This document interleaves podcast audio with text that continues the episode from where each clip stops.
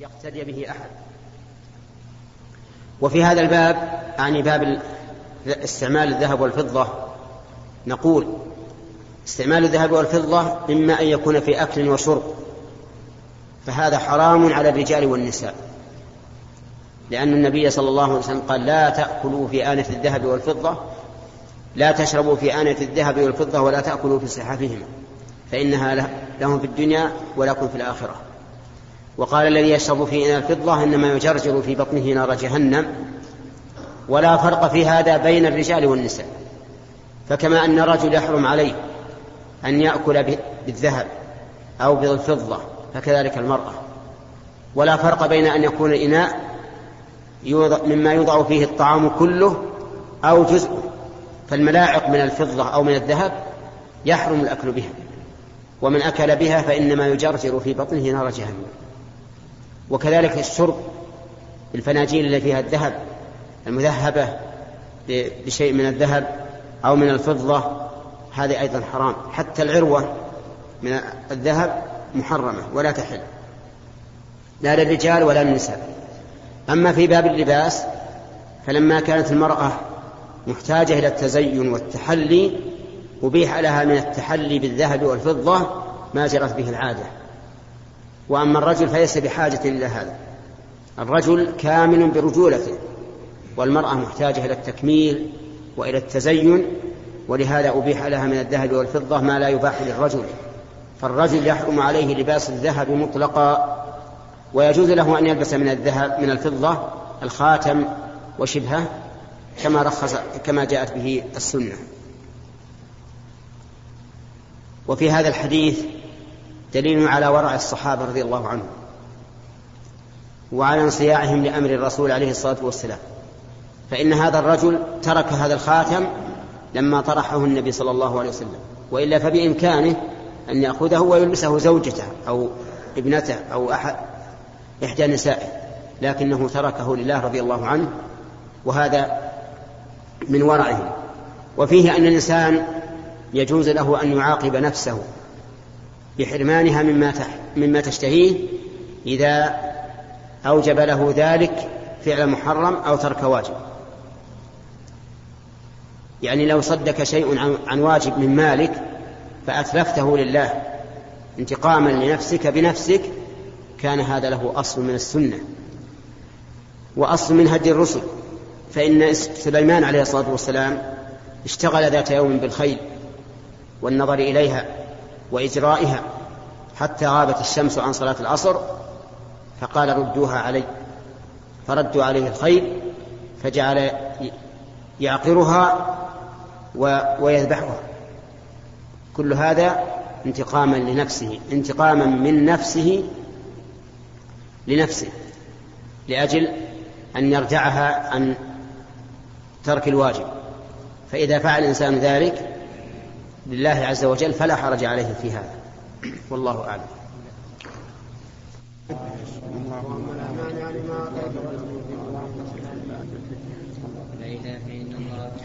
بسم الله الرحمن الرحيم.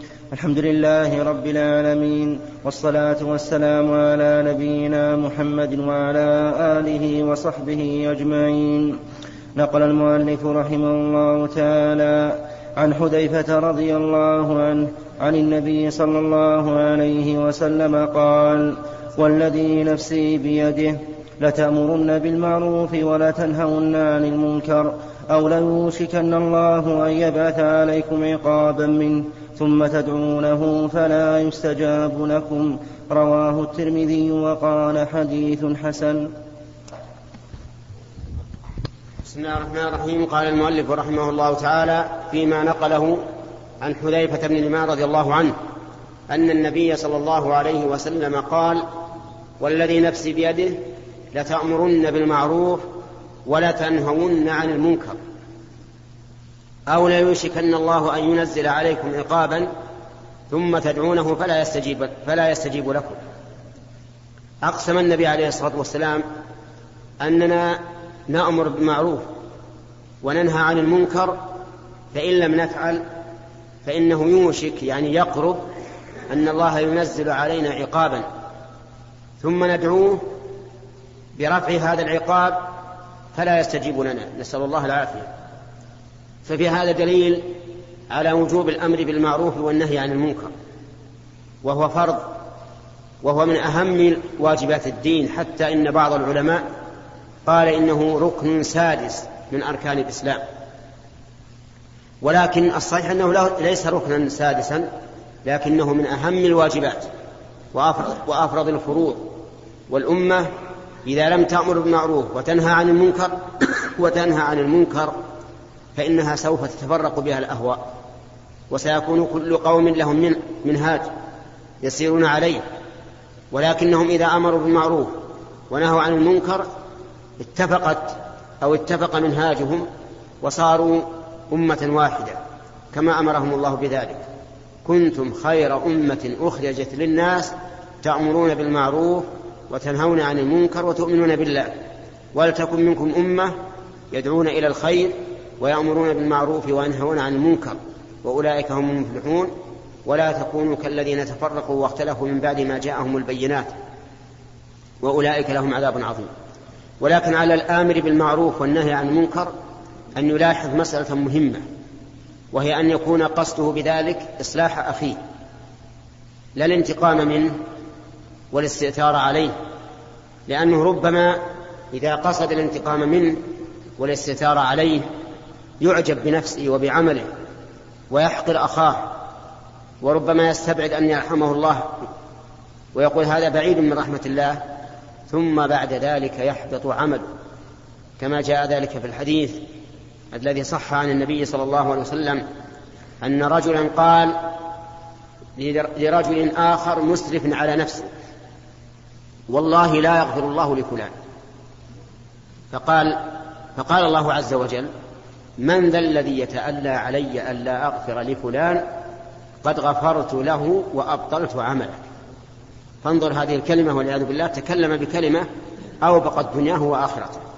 هلك كل عمله كل سعي لأنه حمله إعجابه بنفسه واحتقاره لأخيه واستبعاده رحمة الله على أن يقول هذه المقالة.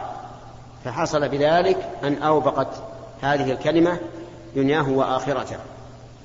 فالمهم أنه يجب على الآمر بالمعروف والنهي عن المنكر أن يستحضر هذا المعنى أن لا يكون قصده الانتصار لنفسه أو الانتقام من أخيه بل يكون كالمريض المخلص. قصده دواء هذا المريض بالمنكر. يعني دواء هذا المريض الذي مرض بالمنكر أن يعالجه معالجة تقيه شر هذا المنكر. أو أو ترك واجبا يعالجه معالجة تحمله على فعل الواجب. وإذا علم الله من نية الإخلاص جعل في سعيه بركة. وهدى به من شاء من عباده. فحصل على خير كثير والله موفق. فينظر ماذا قضى به السلطان فيقول هذا هذا هو الحق هذا هو الطيب وأحسنت وأفدت ولو كان والعياذ بالله من أجور أجور ما يكون. مداهنة للسلاطين لأن السلاطين عند بطانة سوء وبطانة خير بطانة السوء أن تنظر ماذا يريد السلطان ثم تزينه له والعياذ بالله. بطانة الخير تنظر ما يرضي الله ورسوله وتدل الحاكم عليه. هذه هي البطانة السيئة. آه الحسنة كلمة الباطل عند الجائر هذه والعياذ بالله ضد الجهاد. وكلمة الباطل عند السلطان الجائر أن ينظر ماذا ماذا يريد السلطان في فيتكلم به عنده ويزينه له. وقول كلمة الحق عند سلطان جائر أيضا قول سلطان جائر لأن السلطان العدل كلمة الحق عنده لا تتعب الإنسان لأنه يقبل. الذي تتعب هي كلمة الحق عند السلطان الجائر. فالآن عندنا أربع أحوال. كلمة حق عند سلطان عادل. هذه سهلة. كلمة باطل عند سلطان عادل. هذه أيضا سبحة عظيمة وخطيرة. يعني قد تصرف السلطان العادل لكلمتك بما تزينها من الزخارف. كلمة حق عند سلطان جائر هذه أفضل الجهاد. كلمة باطل عند سلطان جائر هذه أقبح ما يكون. معونة على الباطل. فالأقسام أربعة. لكن أفضلها كلمة الحق عند السلطان الجائر. نسأل الله أن يجعلني وإياكم ممن يقول الحق ظاهرا وباطنا على نفسه وعلى غيره. بسم الله الرحمن الرحيم. الحمد لله رب العالمين والصلاة والسلام على نبينا محمد وعلى آله وصحبه أجمعين. نقل المؤلف رحمه الله تعالى عن أبي بكر الصديق رضي الله عنه قال يا أيها الناس إنكم تقرؤون هذه الآية يا أيها الذين آمنوا عليكم أنفسكم لا يضركم من ضل إذا اهتديتم. وإني سمعت رسول الله صلى الله عليه وسلم يقول إن الناس إذا رأوا الظالم فلم يأخذوا على يديه أوشك أن يعمهم الله بعقاب منه. رواه أبو داود والترمذي بسند جيد. فيما نقله عن أبي بكر الصديق رضي الله عنه. قال أما بعد أيها الناس فإنكم تقرؤون هذه الآية. يا أيها الذين آمنوا عليكم أنفسكم لا يضركم من ضل إذا اهتديتم. يعني وهذه الآية ظاهرها أن الإنسان إذا اهتدى بنفسه فإنه لا يضره ضلال الناس ضلال الناس. لأنه استقام بنفسه. فإذا استقام بنفسه فشأن غيره على الله عز وجل. فقد يفسرها بعض الناس ويفهم منها معنى فاسدا. يظن أن هذا هو المراد بالآية الكريمة وليس كذلك. فإن الله اشترط لكون من ضل لا يضرنا أن نهتدي. فقال لا يضركم من ضل إذا اهتديتم. ومن الاهتداء أن نأمر بالمعروف وننهى عن المنكر.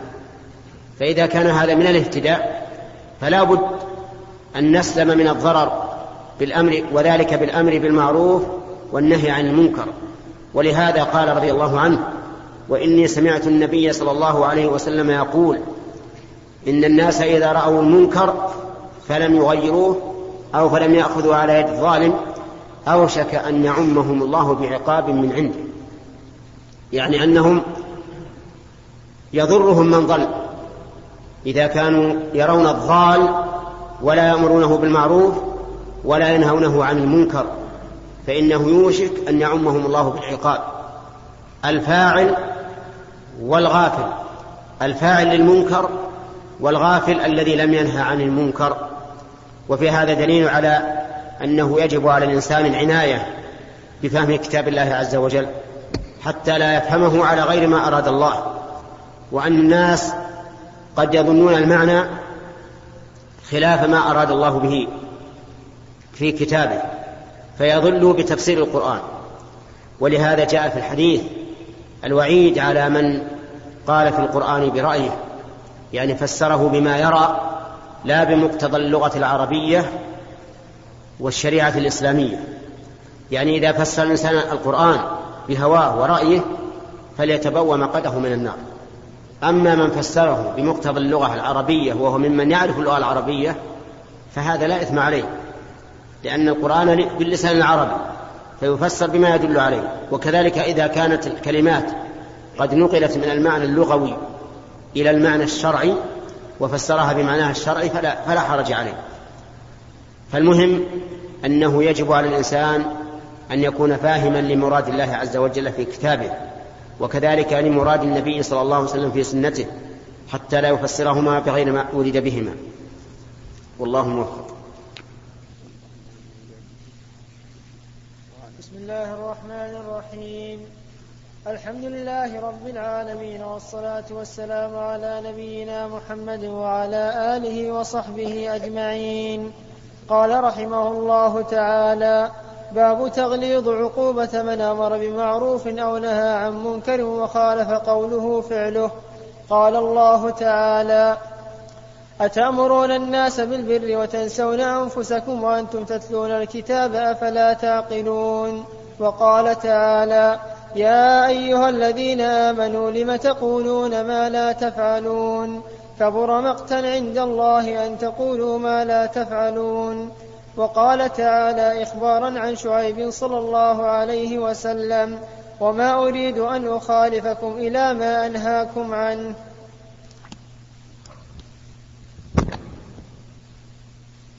بسم الله الرحمن الرحيم. قال المؤلف رحمه الله تعالى باب تغليظ عقوبة من أمر بالمعروف أو نهى عن منكر وخالف قوله, قوله فعله. الباب الذي قبله في وجوب الأمر بالمعروف والنهي عن المنكر. وهذا الباب في تغليظ عقوبة من أمر بمعروف ولم يفعله أو نهى عن منكر وفعله والعياذ بالله. وذلك أن من هذه حاله لا يكون صادقا في أمره ونهيه لأنه لو كان صادقا في أمره معتقدا أن أن ما أمر به معروف وأنه نافع لكان هو أول من يفعله لو كان عاقلا. وكذلك لو نهى عن منكر وهو, وهو يعتقد أنه ضار وأن فعله إثم لكان أول من يتركه لو كان عاقلا. فإذا أمر بمعروف ولم يفعله أو نهى عن منكر وفعله علم أن قوله هذا ليس مبنيا على عقيدة والعياذ بالله. ولهذا أنكر الله على من فعل ذلك. فقال تعالى أتأمرون الناس بالبر وتنسون أنفسكم وأنتم تتلون الكتاب أفلا تعقلون؟ والاستفهام هنا للإنكار. يعني كيف تأمرون الناس بالبر وتنسون أنفسكم فلا تفعلونه وأنتم تتلون الكتاب وتعرفون البر من غير البر أفلا تعقلون؟ وهذا الاستفهام التوبيخ. يعني يوبخهم. يقول كيف يقع منكم هذا الشيء. أين عقولكم لو كنتم صادقين؟ مثال ذلك رجل يأمر بترك الناس للربا ولكنه يفعله أو يفعل ما هو أعظم منه. مثل أن يقول للناس مثلا لا لا تأخذ الربا في معاملة البنوك. ثم يذهب هو فيأخذ الربا بالحيلة والمكر والخداع. ولم يعلم أن ما وقع فيه من الحيلة والمكر والخداع أكبر ذنبا وأعظم إثما ممن أتى الأمر على وجهه ولهذا قال بعض السلف أيوب السختياني رحمه الله قال في المتحيلين إنهم يخادعون الله كما يخادعون الصبيان. لو أنهم أتوا الأمر على وجهه لكان أهون. وصدق رحمه الله. كذلك أيضا يأمر الناس بالصلاة ولكنه لا يصلي هو نفسه لا يصلي. كيف يكون هذا؟ كيف تأمر بالصلاة وترى أنها معروف ثم لا تفعلها؟ هل هذا من العقل؟ ليس من العقل. فضلا عن أن يكون من الدين فهو مخالف للعقل وسفه في الدين نسأل الله العافية. وقال الله تعالى يا أيها الذين آمنوا لم تقولون ما لا تفعلون؟ كبر مقتا عند الله أن تقولوا ما لا تفعلون. يا أيها الذين آمنوا خاطبهم بالإيمان. لأن مقتضى الإيمان أن لا يفعل الإنسان هذا أن لا يقول ما لا يفعل. ثم وبخهم بقوله لم تقولون ما لا تفعلون. ثم بين أن هذا الفعل مكروه عند الله مبغض عنده أشد البغض. قال كبر مقتا عند الله أن تقولوا ما لا تفعلون. والمقت قال العلماء هو أشد البغض. فالله تعالى يبغض الرجل الذي هذه حاله. يقول ما لا يفعل. ويبين عز وجل لعباده أنه مما يبغضه من أجل أن يبتعدوا عنه. لأن المؤمن حقا يبتعد عما نهى الله عنه.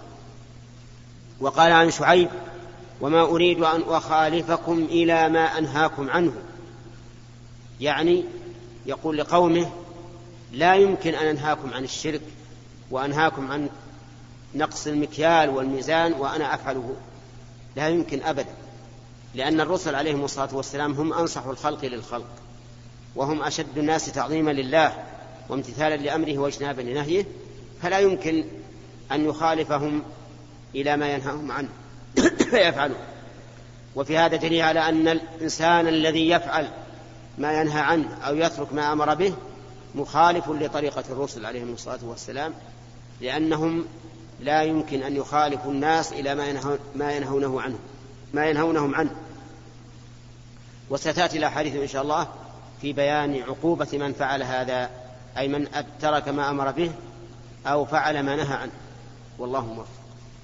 الحمد لله رب العالمين والصلاة والسلام على نبينا محمد وعلى آله وصحبه أجمعين. نقل المؤلف رحمه الله تعالى عن أسامة بن زيد رضي الله عنهما قال سمعت رسول الله صلى الله عليه وسلم يقول يؤتى بالرجل يوم القيامة فيلقى في النار فتندلق أقتاب بطنه فيدور بها كما يدور الحمار في الرحاء. فيجتمع إليه أهل النار فيقولون يا فلان ما لك؟ ألم تكن تأمرنا. ألم تكن تأمر بالمعروف وتنهى عن المنكر? فيقول بلى كنت آمر بالمعروف ولا آتيه وأنهى عن المنكر وآتيه. متفق عليه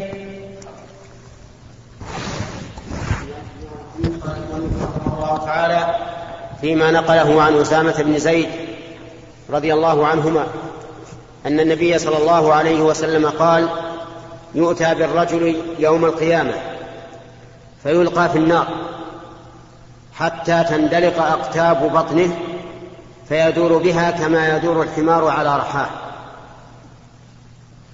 فيجتمع إليه أهل النار فيقولون ما لك؟ ألست تأمر بالمعروف وتنهى عن المنكر؟ فيقول كنت آمر بالمعروف ولا آتيه وأنهى عن المنكر وآتيه فهذا الحديث فيه التحذير الشديد من الرجل يأمر بالمعروف ولا يأتيه وينهى عن المنكر ويأتيه والعياذ بالله. يقول يؤتى بالرجل يوم القيامة يعني تجيء به الملائكة. فيلقى في النار إلقاء لا يدخلها برفق. ولكنه يلقى فيها كما يلقى الحجر في اليم. فتندلق أقتاب بطنه يعني أمعاءه. الأقتاب جمع قتب وهو المعى يعني تندلق تخرج من بطنه من شدة الإلقاء والعياذ بالله. فيدور عليه يدور بها كما يدور الحمار على رحاه أو برحاه. وهذا التشبيه للتقبيح. شبهه بالحمار الذي يدور على الرحى. وصفة ذلك أنه في المطاحن الكبيرة قبل أن توجد هذه المعدات الحديدية يجعل حجران كبيران وينقشان من فيما بينهما ينقران ويوضع للآلة منهما فتحة تدخل منها الحبوب. وفيها خشبة تربط بمتن الحمار ثم يستدير على الرحى وفي استدارته تطحن الرحى فهذا الرجل الذي يلقى في النار يدور على أمعائه والعياذ بالله كما يدور الحمار على رحاه فيجتمع إليه أهل النار فيقول ما لك؟ أي شيء جعل جاء بك إلى هنا وأنت تأمر بالمعروف وتنهى عن المنكر فيقول والعياذ بالله مقرا على نفسه إنه يأمر بالمعروف ولا يأتي. يقول الناس صلوا ولا يصلوا يقول زكوا ولا يزكي. يقول اجتن ويقول بر الوالدين بر الوالدين ولا يبر الوالدين. وهكذا يأمر بالمعروف.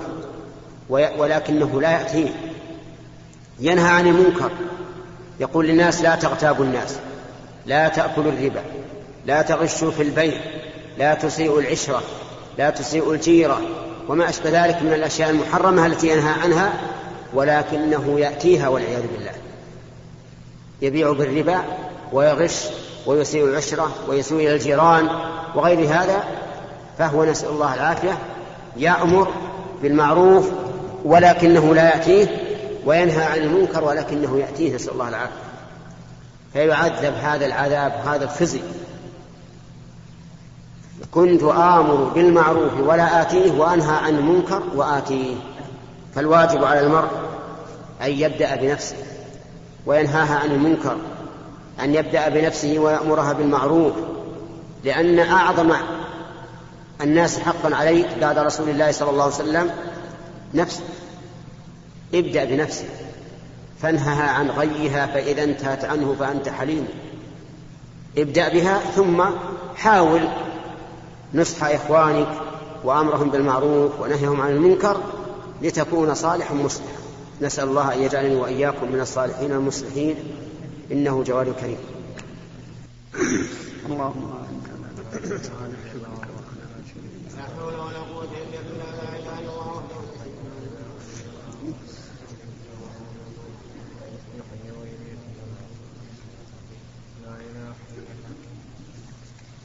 بسم الله الرحمن الرحيم. الحمد لله رب العالمين والصلاة والسلام على نبينا محمد وعلى آله وصحبه أجمعين. قال رحمه الله تعالى باب الأمر بأداء الأمانة. قال الله تعالى إن, الله يأمركم أن تؤدوا الأمانات إلى أهلها. وقال تعالى إنا عرضنا الأمانة على السماوات والأرض والجبال فأبين أن يحملنها وأشفقن منها وحملها الإنسان إنه كان ظلوما جهولا. وعن أبي هريرة رضي الله عنه أن رسول الله صلى الله عليه وسلم قال آية المنافق ثلاث إذا حدث كذب وإذا وعد أخلف وإذا اؤتمن خان متفق عليه وفي رواية وإن صام وصلى وزعم أنه مسلم.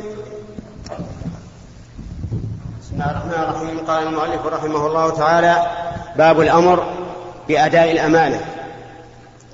الأمانة تطلق على معاني متعددة. منها ما ائتمنه الله على عباده. من العبادات التي كلفهم بها فإنها أمانة ائتمن الله بها ائتمن الله عليها العباد. ومنها الأمانة الأمانة المالية وهي الودائع التي تعطى للإنسان ليحفظها لأهلها. وكذلك الأموال الأخرى التي تكون بيد الإنسان لمصلحته أو لمصلحته ومصلحة مالكها. وذلك أن أن الأمانة التي بيد الإنسان إما أن تكون لمصلحة مالكها أو لمصلحة من هي بيده أو لمصلحتهما جميعا. فأما الأول فالوديعة. الوديعة تجعلها أنت شخص. تقول مثلا هذه ساعتي عندك احفظها لي. هذه دراهم احفظها لي. وما أشبه هذا. هذه وديعة. المودع فيها بقيت عنده لمصلحة مالكها. وأما, وأما التي لمصلحة من هي بيده فالعارية. يعطيك شخص شيئا يعيرك إياه. إناء فراش قلم ساعة سيارة. هذه بقيت في يدك لمصلحته وأما, وأما التي لمصلحة مالكها ومن هي بيده فالمستأجرة.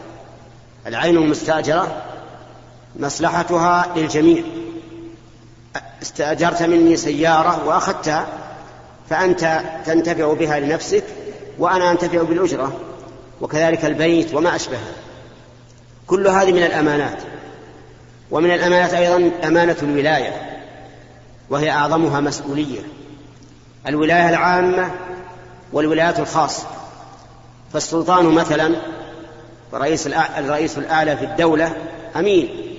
أمين على الأمة كلها على مصالحها الدينية ومصالحها مصالحها الدنيوية على أموالها التي تكون في بيت المال لا يبذرها ولا ينفقها في غير مصلحة المسلمين وما أشبه ذلك. وهناك أمانات أخرى دونها كأمانة الوزير مثلا في وزارته وأمانة الأمير في منطقته. وأمانة القاضي في عمله وأمانة الإنسان في أهله. المهم أن الأمانة باب واسع جدا. وأصلها أمران. أمانة في حقوق الله وهي أمانة العبد في عبادات الله عز وجل. وأمانة في حقوق البشر وهي كثيرة جدا كما أشرنا إلى شيء منها. وكلها يؤمر الإنسان بأدائه إن الله يأمركم أن تؤدوا الأمانات إلى أهلها. تأمل هذه الصيغة. إن الله يأمركم. صيغة قوة سلطان. لم يقل أدوا الأمانة ولم يقل إني آمركم. إن الله يأمركم أي بألوهيته العظيمة يأمركم أن تؤدوا الأمانات إلى أهلها. فأقام الضمير فأقام الخطاب مقام الغائب تعظيما لهذا المقام ولهذا الأمر. إن الله يأمركم وهذا كقول السلطان ولله المثل الأعلى إن الأمير يأمركم إن الملك يأمركم. هذا أبلغ من قول من قوله إني آمر كما قال ذلك علماء البلاغة. إن الله يأمركم أن تؤدي الأمانات إلى أهلها والأمر بأدائها إلى أهلها من لازمه الأمر بحفظها. لأنه لا يمكن أداؤها إلى أهلها إلا بحفظها وحفظها أن لا يتعدى فيها ولا يفرط بل يحفظها حفظا تاما ليس فيه تعد ولا تفريط حتى يؤديها إلى أهلها. وأداء الأمانة من علامات الإيمان. فكلما وجدت الإنسان أمينا فيما يؤتمن عليه مؤديا له على وجه الأكمل فاعلم أنه قوي الإيمان. وكلما وجدته خائنا فاعلم أنه ضعيف الإيمان. ومن الأمانات من الأمانات ما يكون بين الرجل وصاحبه من الأمور الخاصة التي لا يحب أن يطلع عليها أحد فإنه لا يجوز لصاحبه أن يخبر بها.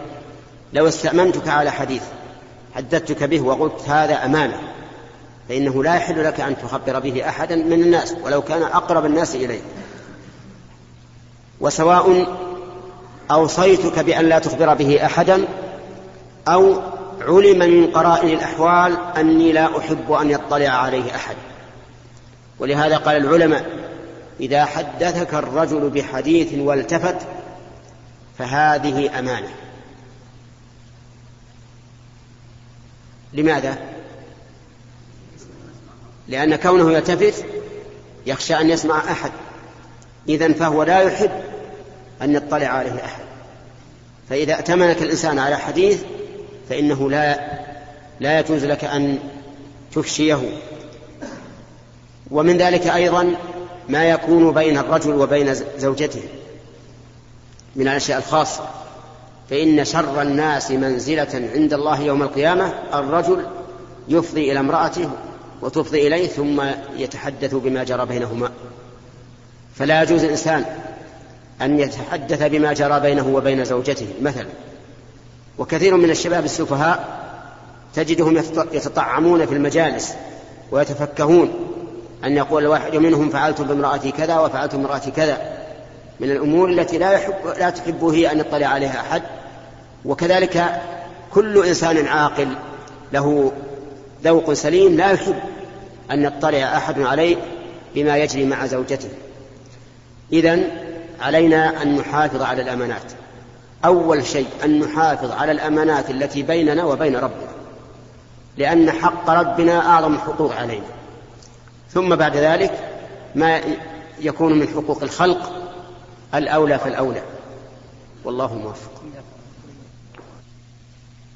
بسم الله الرحمن الرحيم. الحمد لله رب العالمين والصلاة والسلام على نبينا محمد وعلى آله وصحبه أجمعين.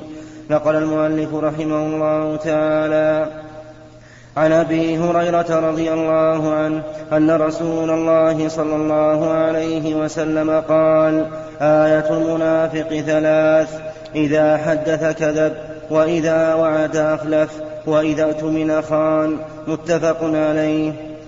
وفي رواية وإن صام وصلى وزعم أنه مسلم.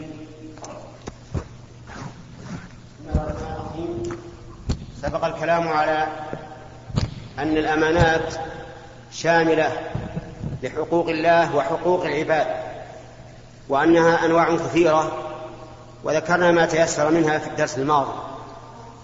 وبدأنا في تفسير قوله تعالى إن الله يأمركم أن تؤدوا الأمانات إلى أهلها. وذكرنا أن هذه الأمانات تنقسم إلى ثلاثة أقسام. الأول ما كان بيد الإنسان لمصلحته. والثاني ما كان بيد الإنسان لمصلحة مالكه. والثالث ما كان بيد الإنسان لمصلحته ومصلحة مالكه.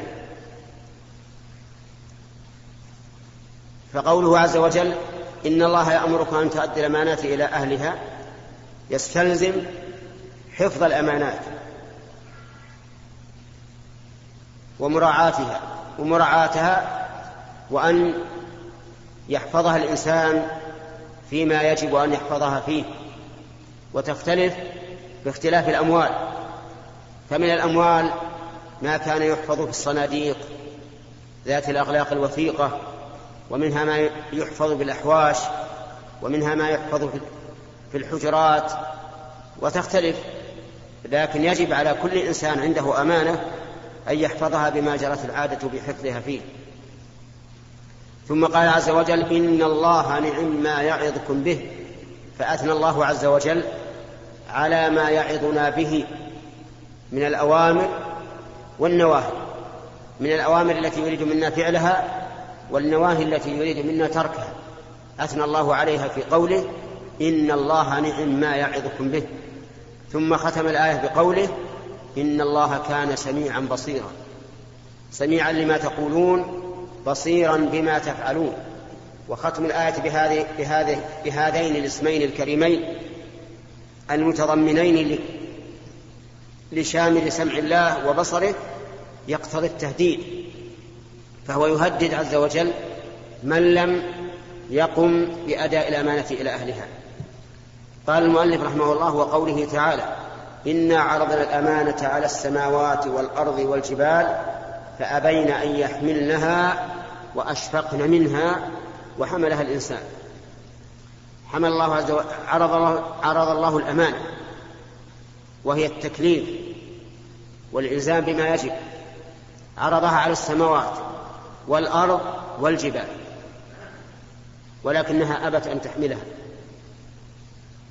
بما فيها من المشقة ولما تخشى هذه الثلاثة الأرض والجبال والسماوات من إضاعتها.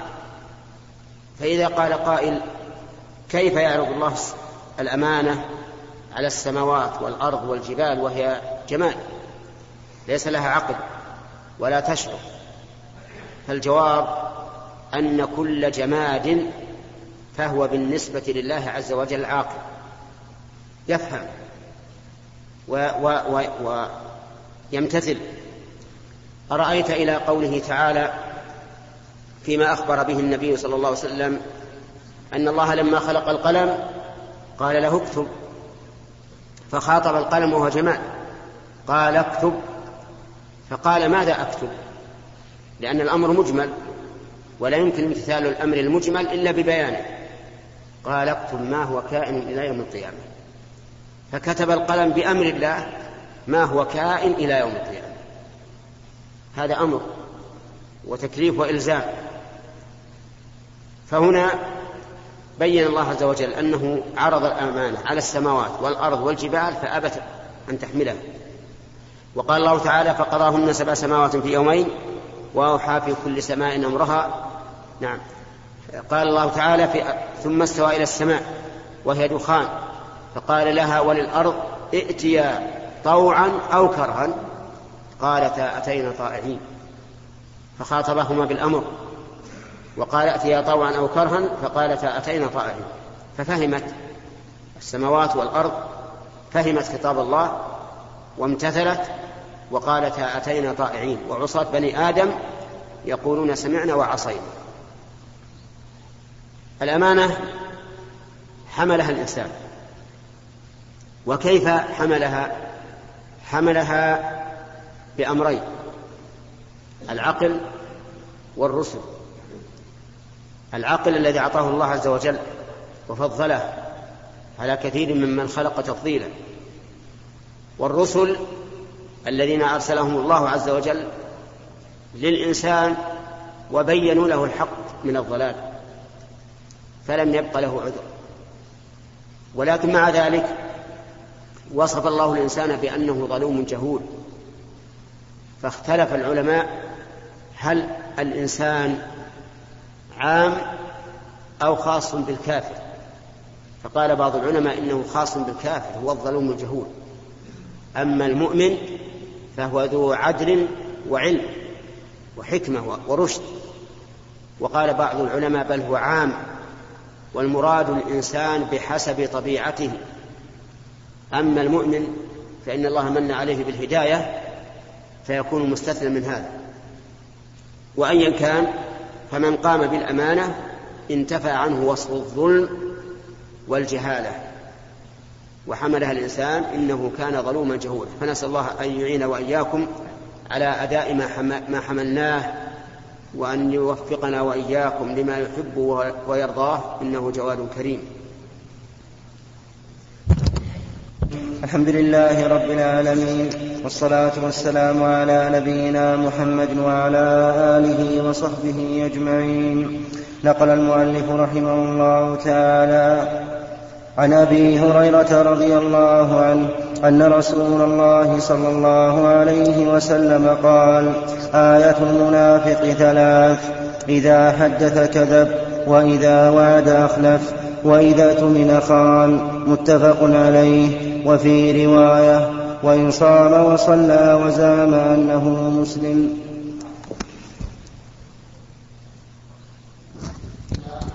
قال المؤلف رحمه الله تعالى فيما نقله عن أبي هريرة رضي الله عنه أن النبي صلى الله عليه وسلم قال آية المنافق ثلاث إذا حدث كذب وإذا وعد أخلف وإذا اؤتمن خان وإن صلى وصام وزعم أنه مسلم. الآية يعني العلامة. علامة الشيء هي هي, هي الآية. كما قال تعالى أولم يكن لهم آية أن يعلمه علماء بني إسرائيل. يعني أولم يكن لهم علامة على صدق على صدق ما جاء به النبي صلى الله عليه وسلم وصحة شريعته. أي و وأن هذا القرآن حق. أن يعلمه علماء بني إسرائيل. ويعلمون أنه هو الذي وعد هو الذي بشر به موسى عيسى عليه الصلاة والسلام. وكذلك قوله تعالى وآية لهم أنا حملنا ذريتهم في الفلك المشحون آية يعني علامة.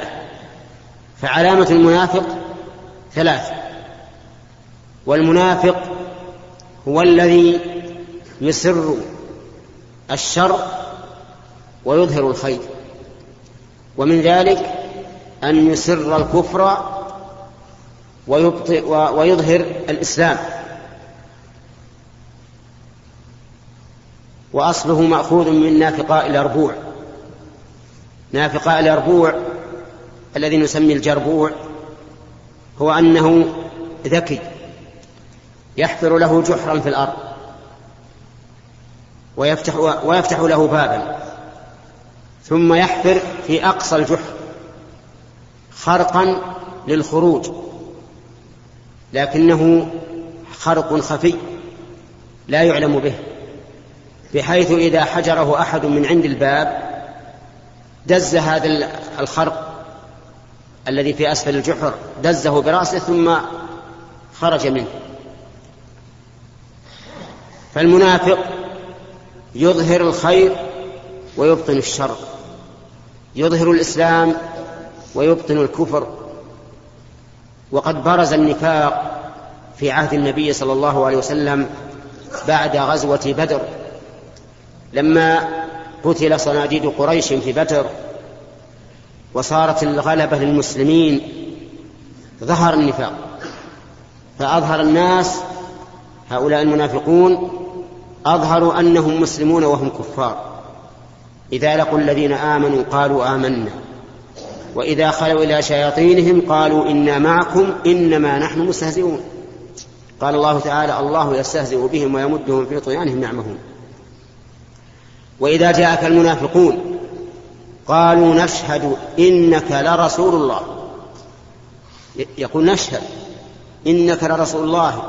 يؤكدون هذه الجملة بالشهادة وبإن واللام. فقال الله تعالى والله يعلم إنك لرسوله والله يشهد إن المنافقين لكاذبون. أيها الإخوة وبنهاية هذه المادة نودعكم ونلقاكم إن شاء الله في إصداقات قادمة. مع تحيات مؤسسة الاستقامة الإسلامية للإنتاج والتوزيع في عنيزة. رقم الهاتف والفاكس صفر ستة ثلاثة ستة أربعة خمسة ثمانية ثمانية صفر ورقم صندوق البريد اثنان وخمسمائة وألف.